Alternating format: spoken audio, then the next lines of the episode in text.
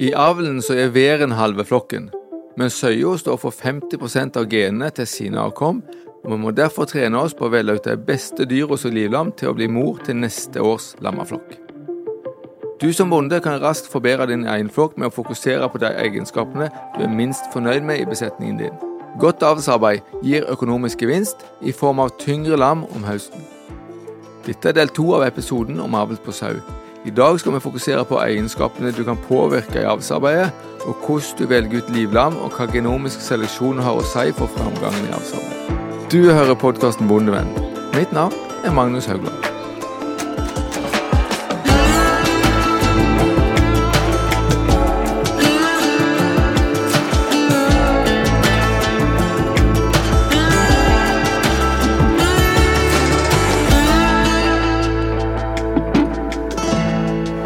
Podkasten Bondevennen blir presentert i samarbeid med Sparebank1 SR-Bank og Tveit Regnskap. Vi bidrar til at bonden lykkes.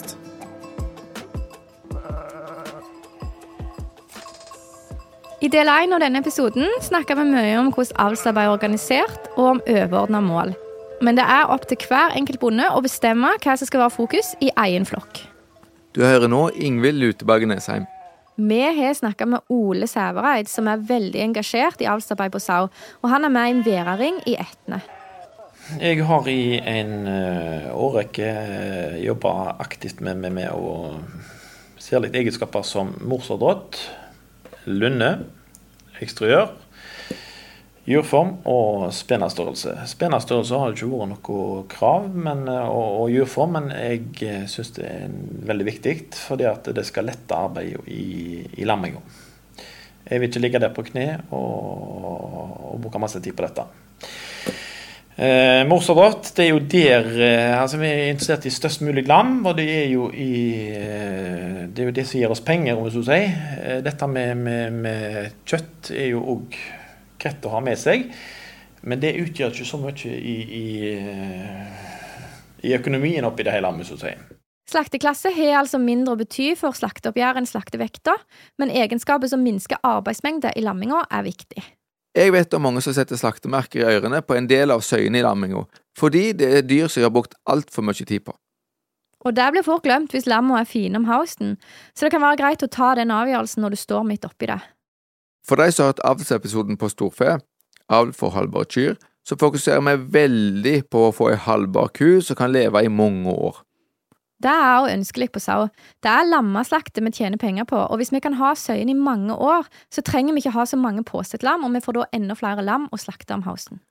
Da er det viktig med en funksjonell kropp og gode bein, men også jurform og spenestørrelse vil påvirke hvor gammel søya blir. For må du sette på lammet på spen mange ganger i døgn i lamminga, så får søya fort det der slaktemerket som vi snakket om. Eh, eksteriør Jeg er veldig opptatt av å ha en sau som føler bredden hele veien. om si. Han skal ha en fin overlinje, han skal ha strake, fine bein. Eh, ja, og alt det der. Jeg er ikke så opptatt av dette med to spenner. Eh, vi har et vedtak i værringen vår at to tredjedeler av værene skal ha to spenner.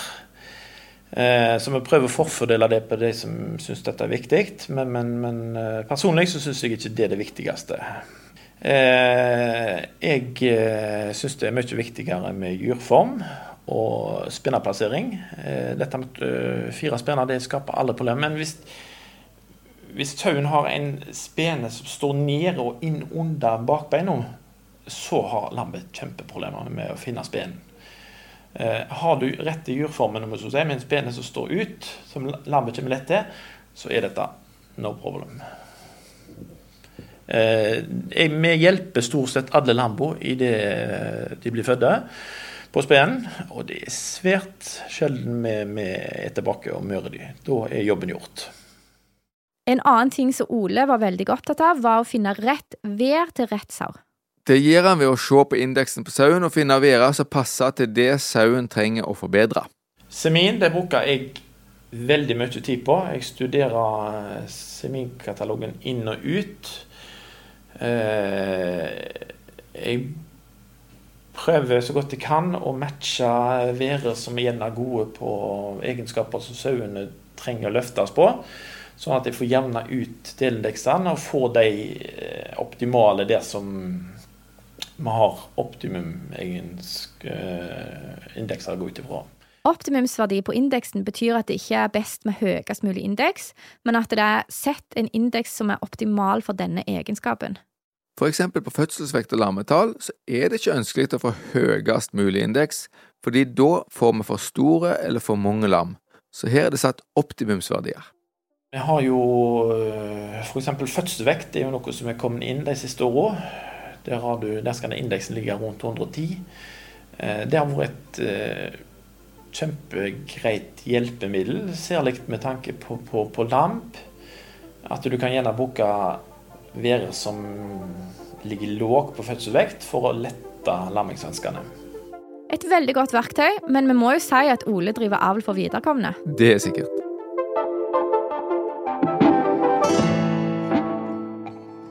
Denne episoden er sponsa av Felleskjøpet Rogaland Agder. Felleskjøpet arbeider hver dag for din lønnsomhet som bonde, og for lokal og norsk matproduksjon. Ta kontakt med en av våre konsulenter, eller gå inn på nettsidene våre bondekompaniet.no.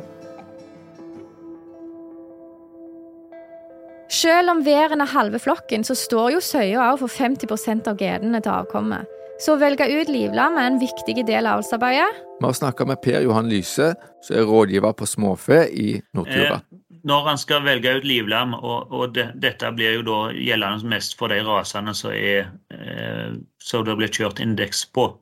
For, på smårasene, som vi ikke har snakket så mye om, de eh, har jo ikke dette indeksverktøyet som vi har eh, NSG sitt verktøy. Eh, men der, der, må de, Hvis de mister sauekontrollen, så kan de rangere de etter smårasene. Så kan de rangere de etter Eh, etter produksjon f.eks., og hvordan de går i fjellet eller andre egenskaper som de ønsker å vektlegge. Og Det kan også kanskje komme inn tegninger eh, og fasong på dyret som gjør at de er mer foretrukne enn andre. På de rasene så blir brukt så det blir kjørt indeks på, så, så har vi jo det, det som et styringsverktøy. Og da vil jeg anbefale at de, at de velger livdyr blant de 50% beste i O-indeks uh, i besetningen sin. At du rangerer eh, sauelammene dine eh, i sauekontrollen på, på stigende O-indeks, og så plukker du bare nedover eh, til du har kommet til halvparten av, av eh, antallet sauelam. Og så slakter du den nedre halvdelen. Den slakter du i utgangspunktet bare uten å Om de er store eller, ja, at de er så store at du kunne tenkt deg som livlam, så, så, bør du bare slakte det for det. For miljøet spiller òg veldig mye inn på størrelsen på dyret. Eh, og så velger du livlam blant de 50% beste i O-indeks. Og der kan det godt hende at det, som har aller best O-indeks hos deg, har en eh, medfødt skavank eller er lite av en, eller annen grunn og ikke egner seg som livlam, men, og at det bør slaktes. Og, men, men, bør, eh, men, hvis du velger blant de 50% beste i besetningen din, i fall, så har du en veldig eh, god eh, gen Da får du en forbedring av genene i besetningen din. Så første bud er å se på de som er i beste halvdel når det gjelder O-indeks. Men Ole går mer nøye til verks. Han begynner arbeidet med å velge ut livlam allerede i lamninga. Givlam de plukker jeg ofte ut i løpet av den første måneden. For det er da du ser liksom hva sauer som er de beste malkerne. Eh, så en 80-90% av livlambo er allerede plukka ut ja, i løpet av den første måneden. Eh, vi må jo òg ta hensyn videre i sesongen om si, med tanke på klart Noen sauer har jo kjekke områder de går i fjellet og, og litt sånt. Eh, så der eh, er nødvendigvis Om den det avkommet der har litt lavere deg så ser jeg ikke så blindt på det, for det at gangen òg er veldig viktig oppi det hele. Jeg har veldig sansen for å velge ut livlam allerede i lamminga. Det er da du bruker mye tid sammen med dyra og ser hva de duger til. Et problem i saueholdet er at en del produsenter har få sauer som de bruker veldig mye tid på. Det er jo bra, og god dyrevelferd at mange tar vare på dyra sine, sånn at de holder seg friske selv om de skulle ha noen skavanker. Men hvis vi setter på dyr som man har dilla veldig mye med, så blir det enda mer dilling i neste generasjon. Og det er ikke god dyrevelferd å avle via på skavanker og hjelpeløse dyr, selv om lam er aldri så fine på høsten. Et eksempel på det er jo vridde øyelokk. Det lar seg lett fikse, men det er ikke god dyrevelferd å avle videre på. Så vi vil avle på mest mulig selvhjulpne, friske sauer. Enkelte lam er jo helt ekstreme. Altså de ser du at du trenger ikke putte på spenen. De ordner seg sjøl. Sauen lammer sjøl uten at du tar i den. Eh, Lambo går på på spenn med en gang og, og, og suger inn ti minutter, om så å si. De får ei stjerne i boka av meg, eh, i, i noteringsboka. Eh, for de, de, ligger godt an når du skal eh, sette på livlam til høsten, altså. I tillegg til å følge med i lamminga og se på indeks, så har Ole noen flere kriterier. Ja, altså jeg plukker jo eh, selvfølgelig livlam av de beste sauene. Jeg tar med meg òg de som er gode på indeks, men ikke nødvendigvis eh, Jeg tar ikke det bare fordi det er gode indeks, de må òg være fine, om jeg si. Jeg vil ha de strakkest mulig i overlinja. Jeg vil ha god ull på de.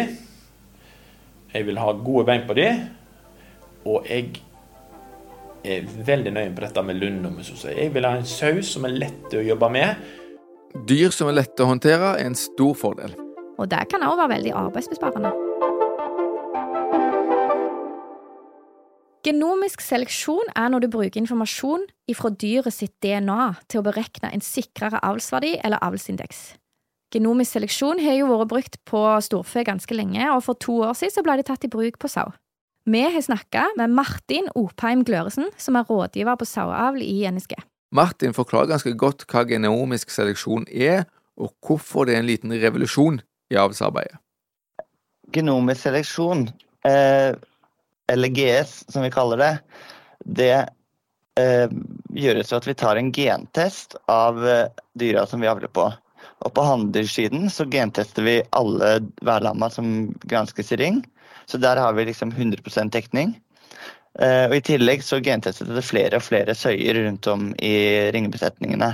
Sånn at eh, antallet dyr som vi har eh, en GS-verdi på, da, øker stadig. Og det gjør indeksen sikrere, og systemet fungerer bedre. Så for å starte genomisk seleksjon, så var vi nødt til å genteste en del tusen dyr. Eh, slik at vi kjente genstatusen på mange dyr som vi eh, hadde informasjon på når det kommer til produksjon og avkom. For eh, jo flere år enhver eller søye har vært i produksjon, og jo flere avkom den har fått, jo mer vet vi om egenskapene til dyret. Og desto sikrere blir avlsverdiene. Så det var liksom hele grunnlaget for å kunne begynne med genomisk seleksjon. At vi hadde en god eh, base med, med gentesta dyr som vi, vi visste eh, som hadde ganske sikre eh, avlsverdier. Eh, og det denne gentesten forteller oss, det er at den gir et nøyaktig slektskap mellom dyret som er gentesta, og nære slektninger. Eh, F.eks. For foreldre og besteforeldre. Så hvis man gentester flere lam i en søskenflokk, så får man et bilde på hvor mye eh, disse søsknene deler av gener. Rent statistisk så sier man jo at eh, søsken 50% har 50% likt DNA. Eh, men i praksis kan det variere veldig mye hvilke egenskaper eh, det enkelte lammet har arvet fra foreldrene. Så du kan være nesten alt fra 0 til 100% i slekt med dine søsken da, når det gjelder egenskaper. Og det vi gjør da, når vi vet nøyaktig slektskap fra, med et lam og f.eks. Eh, og de næreste slektningene, som vi har mer informasjon om fordi de er eldre og har mer avkom, så kan vi si noe om at f.eks. dette lammet har gener som har vist seg å gi veldig god kjøttfylde. Eller så kan vi si at dette lammet har gener som har vist seg å gi heller dårlig melkeevne. Og hvis vi da gentester broren til dette lammet, så kan vi se at denne har vært mer heldig når det kommer til melkeegenskaper, og arvet gener som tidligere har vist seg å gi gode melkeegenskaper. Så slik kan vi altså bruke genprofilen til dyret på, til på en sikrere måte beregne hvilke egenskaper som lammet er god på, og hvilke egenskaper den ikke er fullt så god på tidlig i dyrets liv. så det gjør jo at vi kan ta et mer riktig valg når vi velger hvilke dyr som vi skal ta med videre i avlen. GS gjør altså avlsverdien sikrere, og den korter ned generasjonsintervallet. Generasjonsintervallet det er gjennomsnittsalderen på mor og far til avkommet, og når en korter ned generasjonsintervallet, så får en raskere avlsframgang. Grunnen til at vi korter ned generasjonsintervallet, er at vi får en like sikker avlsverdi når dyret er ungt som når dyret er eldre. Før GS så måtte vi vente til væren var to og et halvt år for å få en sikker avlsverdi. Med genomisk seleksjon kan vi altså sette værene i avl mye tidligere. De dyrene som vi er ute etter å finne med genomisk seleksjon, det er dyre, de dyrene som har arvet de beste genene fra foreldrene sine, slik at vi kan bruke de til å lage neste generasjon med avlsdyr.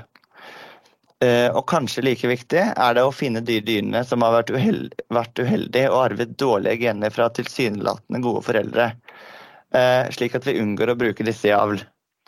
Eh, uten, og uten genomisk seleksjon så måtte vi hatt flere år med informasjon om produksjonen til dyret og avkommet til dyret før vi kunne sagt at dette dyret gir god melkeevne med samme sikkerhet som det vi kan nå når vi har GS. Eh, for med GS så kan vi allerede som lam vite mye mer om hvilke egenskaper dyret er bra på, selv om vi har lite informasjon om dyret sjøl enda. Hovedgevinsten med genomisk er at vi kan få sikre avlsverdier på dyrene allerede når de er lam.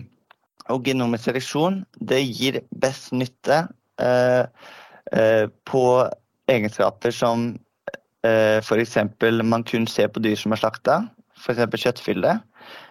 Eh, det gir også mm, god nytte eh, på egenskaper som bare registreres på ett kjønn, som f.eks. melkeevne, som vi bare ser på søyene. Og det er, også, det er også nyttig på egenskaper som registreres seint i dyrets liv. Uh, det gjelder da f.eks. hvor lenge dyret har levd, eller hvor mange lam søya fikk opp gjennom årene. Så ved hjelp av GS da, så kan vi allerede når, dyret, når sauen er et lam, si noe om hvilke egenskaper den har arvet fra foreldrene. Så vi slipper å vente to, tre, fire år for å få idé om hvilke egenskaper dette dyret er godt på eller ikke. Å ha fokus i avlen gir økonomisk gevinst. Per Johan har regna på hvor mye det betyr for resultatet å velge rett vær. Ja, For å prøve å vise litt økonomisk hva det kan utgjøre eh, på farsida med å velge en god vær i stedet for en middels vær, så gjorde jeg noen regnestykker. Og det viste seg at det var på det tilfellet jeg tok, så der var det to værer som var brukt eh, jevnt med, i flere besetninger med mange avkom, sånn at de hadde ganske god eh, styrke bak tallene da. Og De to værene var, eh, var det 20 gram forskjell forskjellig slaktetilvekst per dag. Og du, hvis du bruker den, eh, den, eh, de to værene på en besetning på 50 sau f.eks., så er en ganske vanlig besetningsstørrelse til å slippe en vær til, så ville det utgjøre 209 eh, kilo lammeslakt. Altså en, en verdi på 11 000-12 000 kroner forskjell på de to værene med akkurat samme stellet og akkurat samme arbeid og samme utgiftene. Bare forskjellen du har gjort, er at du kjøpte den væren i stedet for den andre væren. Og, og, de to værene kom ut med, med ene hadde den dårlige hadde 115 i indeks, og den andre hadde 133 i O-indeks. Så det viser at det er en del penger å hente på å, å velge rett vær. Fordi om den ene er litt dyrere enn den andre, så vil du fort hente det inn. Eh, som en bonus på det, så vil du òg etter den beste væren få mye bedre påsett lam. Eh, så når du vil dra med deg den goden videre inn i eh, neste år òg. På sauelamssida så det, har jeg gjort et lite regnestykke og sett på hva, er, hva blir produksjonen i forhold til O-indeks, for å finne verdien av et O-indekspoeng. Der, der, viste det seg, når jeg sammenligna bare lammelam med som kommer hjem med tvillinger, for å prøve å standardisere. En sau som er unge, har jo mindre produksjon, eller, eller en sau som er flere år gammel, som er på topp. Derfor, for å prøve å få noen tall ut av, litt sikrere tall ut av systemet, så sammenligner jeg bare påsettlamma med tvillinger på høsten. Og Da viste det seg at eh, et indekspoeng utgjorde ca. 1,2 kg høstvikt, korrigert høstvikt. Og det er ganske mye, for hvis du tenker deg at det er to lam, påsett-lam du ser på om du skal velge det ene eller det andre, og de kan være like, like å se til, men det ene har f.eks. ti indekspoeng høyere enn det andre, så kan du forvente at det med ti høyere indekspoeng har en 12 kilo mer i høstvikt eh, til høsten enn det andre. Og Dette regnestykket har jeg gjort over flere år, og det viser den samme trenden med samme tallene. 12 kilo mer levende vekt per søye om høsten. Det vil en se igjen på bunnlinja. Har du 50 søyer, så blir det fort 30 35 000 ekstra hvert år. Ole ser tydelig resultat i praksis av det nøysommelige arbeidet han har lagt ned. Vi har drevet aktivt i, noen i årevis, så vi, vi, ligger på en snitt på ja, ca. 50 kg. Rekorden vår var vel faktisk 58,7 kg. I år så har jeg ikke fått regna på snitten hjemme, men eh, snittvekta på sauene som jeg har gående i Røldal, den var 51 kilo. Dette er et fantastisk bra resultat. Et gjennomsnitt på 50 kilo levende vekk på lamma ved slakting. Det er jo utrolig bra, det der. Og Ole han sa òg at åringene hans hadde produsert mellom 110 og 120 kilo. Det vil si at hver av de er 55–60 kilo levende vekt på lammo. Altså, det er jo eventyrlig. I tillegg så ser Ole at avlsarbeid faktisk gir arbeidsbesparelse og lettere lamminger, sånn som er målet. Jur og jurform og spener har vi jobba iherdig med i mange år, og ja, lammingene går ufattelig lett. om jeg si, dette med, med, med Særlig med å få lam til, til drikke. Så dette er et bevis på at det funker. Ole hadde også et kjekt tips for de som er veldig interessert i avl. Det som jeg har begynt å bruke i det siste, det er jo denne her en avlsplan til Animalia. Den bruker jeg litt aktivt, men, men klart eh, Da slipper jeg å sitte og regne. Tidligere så satt jeg regna liksom, og så fant ut hva som var det beste. Eh, den hjelper meg òg med dette med litt med slekter, at jeg, at jeg ikke eh, lager til noe krøll der. Avlsplanen til Animalia, som ligger i søvnkontrollen, den gir deg oversikt over hvem som er i slekt med hvem, sånn at du unngår å bruke hver som er i slekt med søyne. Ja, pga. semin så kan jo noen være spre genene sine over et veldig stort område, eh, sånn at du kan risikere å kjøpe en vær som er halvbror til den du brukte i fjor. Så det var et godt tips. Avl handler om genene. Vi krysser dyr med gode gener for å få fram avkom med bedre egenskaper. Men mange av egenskapene vi ønsker å forbedre, blir i stor grad påvirka av miljøet. F.eks. slaktevekt, som er en veldig viktig egenskap for å forbedre økonomien til bonden. Men den er også veldig påvirka av miljøfaktorer som fòring, parasitter og generelt hvordan sauen har det. Det hjelper lite å ha gode gener om du ikke fôrer og steller flokken rett. Samtidig får du aldri toppresultat uansett hvor flink du er på fôringa om genene ikke er på plass. Alt henger sammen med alt. I dag har vi fokusert kun på avlsbeten. Vil du oppdatere deg på fòring av sau, så kan du høre på episoden som heter 'Rett av søye er lik fine lam'. Men nå er det kanskje på tide å oppsummere? Ja, gjør det, du. Ok. Avlsarbeid på sau lønner seg. Du får tyngre lam om halsen og bedre økonomi ved å velge rett vær til rett sau og velge ut de beste søyene til å bli mor til neste generasjon. Livlam bør plukkes ut blant de med høyest indeks, men ikke uten å studere dyret og deres egenskaper. Dette arbeidet kan godt begynne allerede i lamminga. Det er da du ser hva både mor og lam er god for. Genomisk seleksjon gir sikrere avlsverdi tidligere, og gjør at vi kan ta inn yngre dyr i avlen. Det gir oss en raskere avlsframgang. Du har hørt på podkasten Bondevennen. Mitt navn er Ingvild Luteberget Nesheim, og jeg er rektor ved Vinterlandbruksskolen i Ryfylke. Og mitt navn er Magnus Haugland. Jeg er lærer ved Vinterlandbruksskolen og rådgiver i Norsk landbruksrådgivning Rogaland. Har du spørsmål, ønsker om hvilke tema vi skal ta opp i podkasten vår, eller har du bare lyst til å skryte eller klage uhemma, send oss en e-post på podkast.bondevennen.no. Episoden er spilt inn i ABC Studio Etne. Lyd ved Stig Morten Sørheim. Takk for at du hørte på.